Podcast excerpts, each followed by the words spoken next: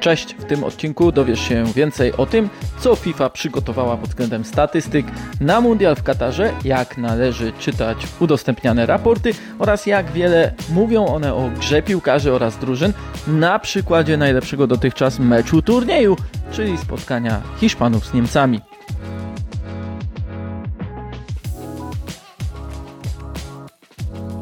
To podcast Zachodny do Tablicy, który możecie znaleźć na platformach Spotify, YouTube oraz Google, a mnie możecie oglądać tydzień w tydzień w Viaplay. Bo to był najlepszy mecz tego turnieju. Pewnie oczekiwaliście go zanim jeszcze faza grupowa się zaczęła, ale układ wyników w pierwszej rundzie, jak i to, co zdarzyło się w spotkaniu Kostaryki z Japonią, to wszystko sprawiło, że musiało być pomiędzy Niemcami i Hiszpanami ciekawie. Musimy pamiętać, że to na mundialach zdarza się jednak bardzo rzadko gdy spotykają się dwa zespoły o bardzo zbliżonym potencjale jakościowym, do tego reprezentujące bardzo podobną myśl, sposób gry. Mówili o tym zarówno Luis Enrique, jak i Hansi Flick, wyrażając się z ogromnym szacunkiem o rywalach. Oczywiście, że dla Hiszpanów było to bardziej naturalne, bo co zauważył e, selekcjoner Niemców, jest to dłużej częścią ich kultury, którą oni dopiero zdobywają, której wdrożenie jest znacznie trudniejsze ze względu na no, specyfikę samej Bundesligi. To jednak temat na inną rozmowę, zwłaszcza, że dla reprezentacji najważniejszy pozostaje Bayern. W wyjściowym składzie Flika było pięciu zawodników tego klubu, dodatkowo Niklas Zyle dopiero co tam występował po stronie Hiszpanii dominowała oczywiście Barcelona, zwłaszcza w środku pola i to na środku pola się skupię. Zwłaszcza, że tak budowano narrację przedmeczową pod kątem atutów Hiszpanów, ale też tego, co ma zrobić Hansi Flick. Na The Athletic można było przeczytać kapitalny tekst o tym, jakie są różnice w poruszaniu się i wykorzystywaniu Gaviego oraz Pedriego przez Luisa Enrique w reprezentacji w porównaniu do tego, jak grają w Barcelonie. Z kolei w Niemczech trwała debata o tym, jak ustawić środek pola po porażce z Japonią, czy Flick nie powinien zaryzykować z przesunięciem Jozue Kimisia nawet na prawą stronę obrony, by tam zabezpieczyć ewentualne deficyty. Ciekawą rzecz w kontekście pomocnika Bayernu zauważył były reprezentant Niemiec Mario Basler, który wskazał, że Kimiś przebiegł aż 13 km przeciwko Japonii, starając się być wszędzie, wchodzić w każdą z ról pomocnika, gdy zespół potrzebował bardziej specjalistycznego, sprecyzowanego podejścia w jego roli. W meczu z Hiszpanią tego się doczekał, nawet jeśli oznaczało to mniejszą widoczność Kimisia w spotkaniu. Ta debata przypomniała zresztą to, co działo się 4 lata temu, gdy reprezentacja Niemiec cierpiała na mundialu w Rosji, a w jej środku pola poważne role mieli odgrywać Toni Kroos czy Sami Kedira. Przed spotkaniem z Hiszpanią zastanawiano się nad rozłożeniem akcentów w tej strefie, wprowadzeniem Leona Gorecki do środka pola, pozycją wyjściową Ilkaja Gendogana, i widzieliśmy, że ten ostatni miał rolę głównie ograniczającą swobodę Sergiego Busquetsa, niemal kryjąc go indywidualnie, choć akurat przy golu na 1 do 0 dla Hiszpanów to właśnie pomocnik City zapomniał się i dał możliwość Busquetsowi zwrócenia się w stronę bramki Niemców i rozegrania akcji do lewej strony. Tam był Dani Olmo, następnie Jordi Alba i wreszcie Alvaro Morata uciekający z Ilemu tak, jak powinna to robić prawdziwa dziewiątka. Nawiasem mówiąc, to paradoks tego spotkania, że choć żaden z trenerów nie zdecydował się na wystawienie prawdziwego napastnika w wyjściowym składzie, to właśnie wejście Moraty oraz Niklasa Fülkryga ustaliło wynik. Chociaż Luis Enrique zapewniał, że Morata nie jest wcale fałszywą dziewiątką, że ma wypełniać zadania napastnika tak, jakby miał to robić zawodnik nominalnie występujący na tej pozycji, to tą jedną akcją Morata udowodnił, że są rzeczy, których nie da się zastąpić ofensywnym pomocnikiem, skrzydłowym czy atakującym. To musi być napastnik i tak samo było w przypadku Fülkruga. To, jak wykończył instynktownie swoją akcję po drugiej stronie boiska, e, też było pokazem jakości napastnika, czy raczej jego zdecydowania, bo gdy kilka minut wcześniej w podobnej sytuacji znalazł się Musiala, to przecież uderzył znacznie gorzej. Wyczekiwał na ruch Unaja Simona, no i to tylko e, należy podkreślić, bo to były już detale. Wróćmy jednak do pomocników, bo na nich miałem się skupić. Analizując gola strzelonego przez Moratę, chciałbym, byście starali się sobie wyobrazić to, co dzieje się w kolejnych działaniach na zasadzie tego, co przygotowuje FIFA. Otóż zespół analityków każde spotkanie opracowuje na bardzo indywidualnej zasadzie. Jeden analityk jest przypisany do jednego zawodnika, kodując działania bez piłki. Komisja Techniczna FIFA chwali się, że dzięki temu wydłuża czas analizy każdego z piłkarza z niecałych dwóch minut do ponad pięciu minut zdarzeń.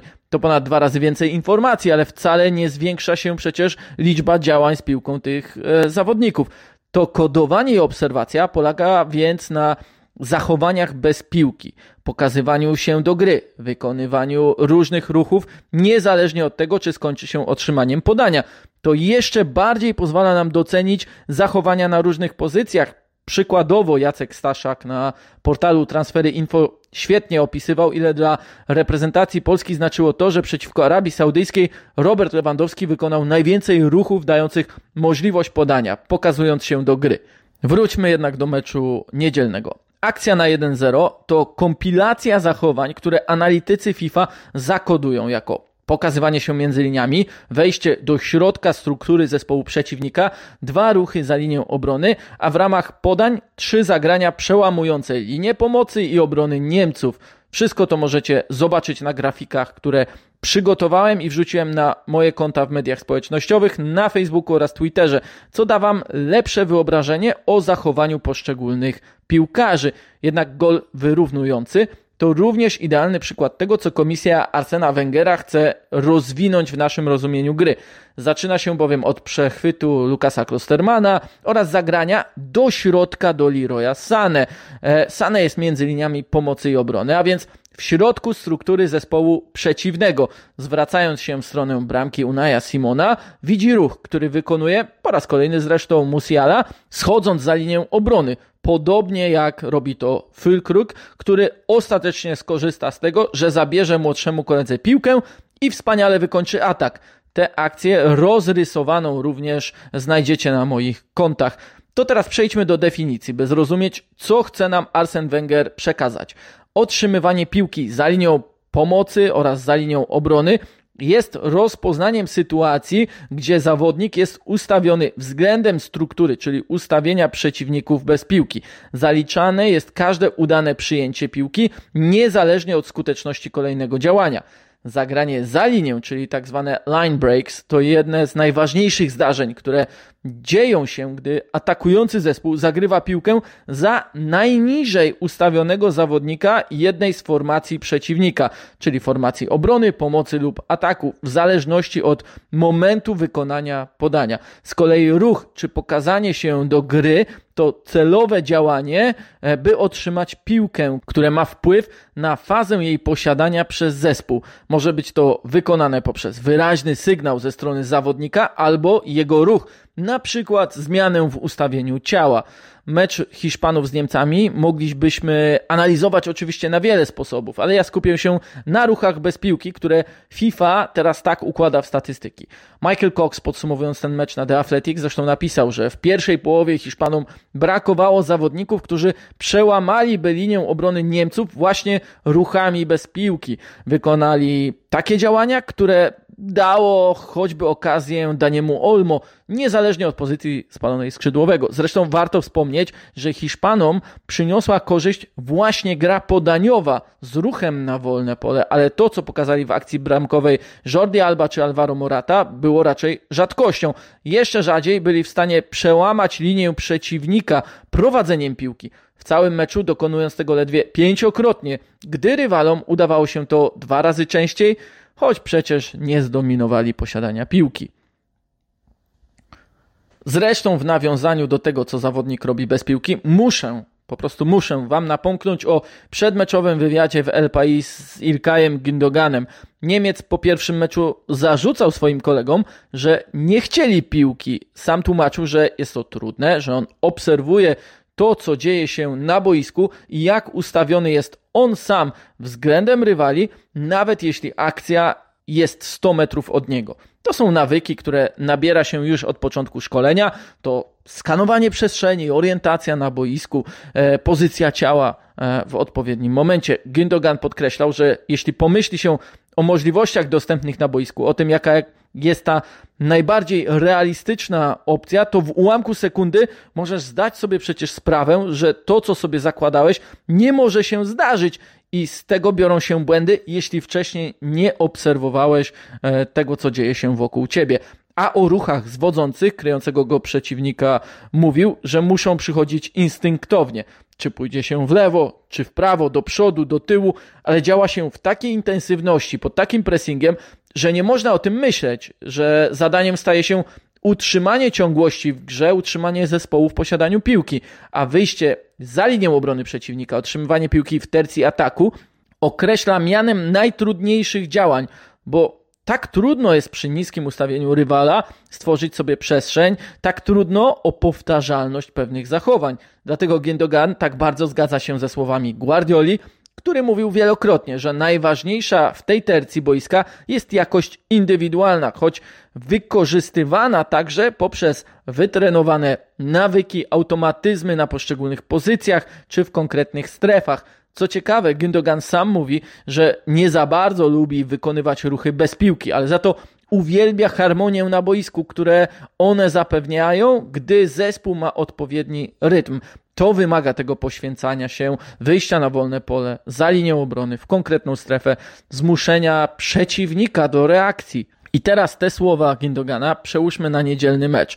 Nie na przykładzie jego gry, ale trzech młodych zawodników, którzy mają to w swojej naturze. Z pokazywania się do gry w różne sposoby zrobili atrybut, choć nie każdemu wychodziło to wtedy aż tak dobrze.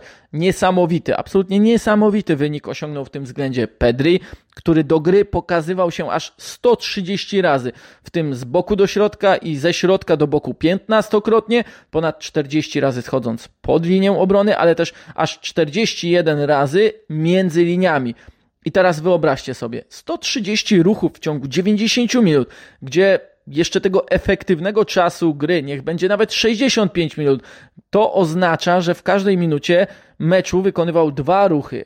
A gdy jeszcze ograniczy się ten czas o proporcje w posiadaniu piłki, to wychodzi ogromna aktywność Pedriego. 130 pokazań się do gry nie oznacza, że za każdym razem otrzymywał piłkę, bo tylko 46 razy, ale tworzył cały czas problem swoim ruchem. Zmuszał rywala do reakcji, powodował, że każda z formacji się przesuwa. Nie zaliczył ani gola, ani asysty, ale to był pokaz tego, ile w starciu z takim rywalem, agresywnym, kryjącym często bardzo blisko, trzeba zrobić, by utrzymać nie tylko posiadanie piłki, ale też rytm, o którym mówił Gündogan i ile kosztuje takie granie, by wykreować sobie tę jedną sytuację, ten jeden moment zapomnienia przecież Niemców, w którym nie upilnowali Busquetsa, e, Daniego Olmo, Jordi Alby oraz Alvaro Moraty. Wiemy, że w grze Hiszpanów inaczej gra Pedri, a inaczej Gavi, którego było znacznie mniej niż przeciwko Kostaryce. On wykonał ledwie 11 podań, z których 9 miał celnych, ale trzykrotnie przełamywał linię rywala prowadzeniem piłki, co było jednym z lepszych wyników w zespole. Jednak wykonał tylko 5 ruchów za linię obrony, co miało stanowić o podstawie problemów sprawianych Niemcom. Tymczasem to Olmo był tym, który najczęściej ruszał za linię obrony, bo aż 21 razy. A więc interpretując rolę Gawiego w tym meczu, można powiedzieć, że po prostu zajmował określoną strefę, niekoniecznie korzystał z tych walorów, które posiada, albo też zespół nie prowadził przez te strefy e, tak często gry, by go wykorzystywać. Wreszcie Musiala, który długimi fragmentami jakby był w meczu nieobecny, choć jego wyniki biegowe są też niesamowite. Wykonał aż 76 sprintów, do tego ponad kilometr przebiegł w czwartej strefie intensywności. Więcej nawet od Dawida Rauma, który przecież zaliczył też bardzo intensywne spotkanie, a wynik Musiali w tej czwartej z pięciu stref biegowych w biegach o wysokiej intensywności był najlepszy z obydwu drużyn w całym tym spotkaniu i to też wpłynęło na inny jego rewelacyjny wynik. Przy najniższym w historii występów reprezentacji Niemiec na mundialu posiadaniu piłki, on do gry pokazał się aż 67 razy. Co jednak jest najistotniejsze, jego ruchy były bardzo różnorodne. Kimiś był tym, który co zrozumiałe, najczęściej schodził do obrony aż 32 razy, ale pozostałe ruchy sklasyfikowane jako do środka, na zewnątrz, za linią pomocy i pomiędzy formacjami są już zdominowane przez Musialę. On zaliczył także 10 progresywnych wprowadzeń piłki i 5 driblingów, odpowiednio 1 trzecią i 5 dziewiątych dorobku całego zespołu. Aż 17 razy ruszał za linią obrony, Dwukrotnie udało się to Sane wykorzystać podaniem, co od razu przełożyło się na okazje bramkowe.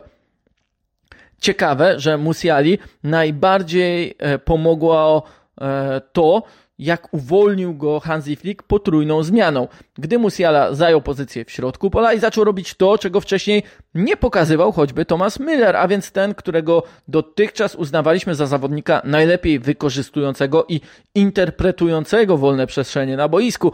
Na razie Müller w tych statystykach jeszcze nie błysnął, może więc szkoda, że nie mamy tych liczb z jego najlepszego okresu.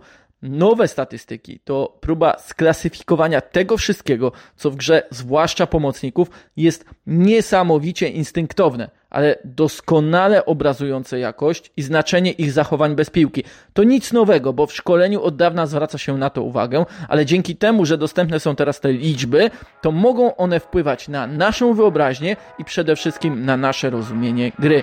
Arsen Wenger Przyznajmy, miał już kilka słabszych pomysłów, jak zrewolucjonizować futbol, rozgrywki, kalendarz, same mecze, ale dobrze, że skupił się na tym, w czym jest przecież mocny pokazywaniu tego, czego często się jeszcze nie dostrzega, a co zdecydowanie przekłada się na piękno gry i też piękno tego mundialu. Dzięki za odsłuchanie tego odcinka. Zapraszam do subskrypcji moich kanałów, zostawiania polubień, udostępniania odcinków. I to tyle. Do usłyszenia.